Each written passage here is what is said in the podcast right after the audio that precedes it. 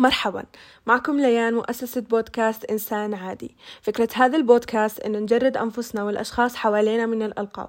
بما معناه ما في بهالبودكاست شخص فاشل أو ناجح أو غبي أو ذكي أو غيرها من الألقاب والصفات اللي نلقب فيها في فترات مختلفة من حياتنا. وأحيانا بتظلها مكملة معنا لآخر الحياة.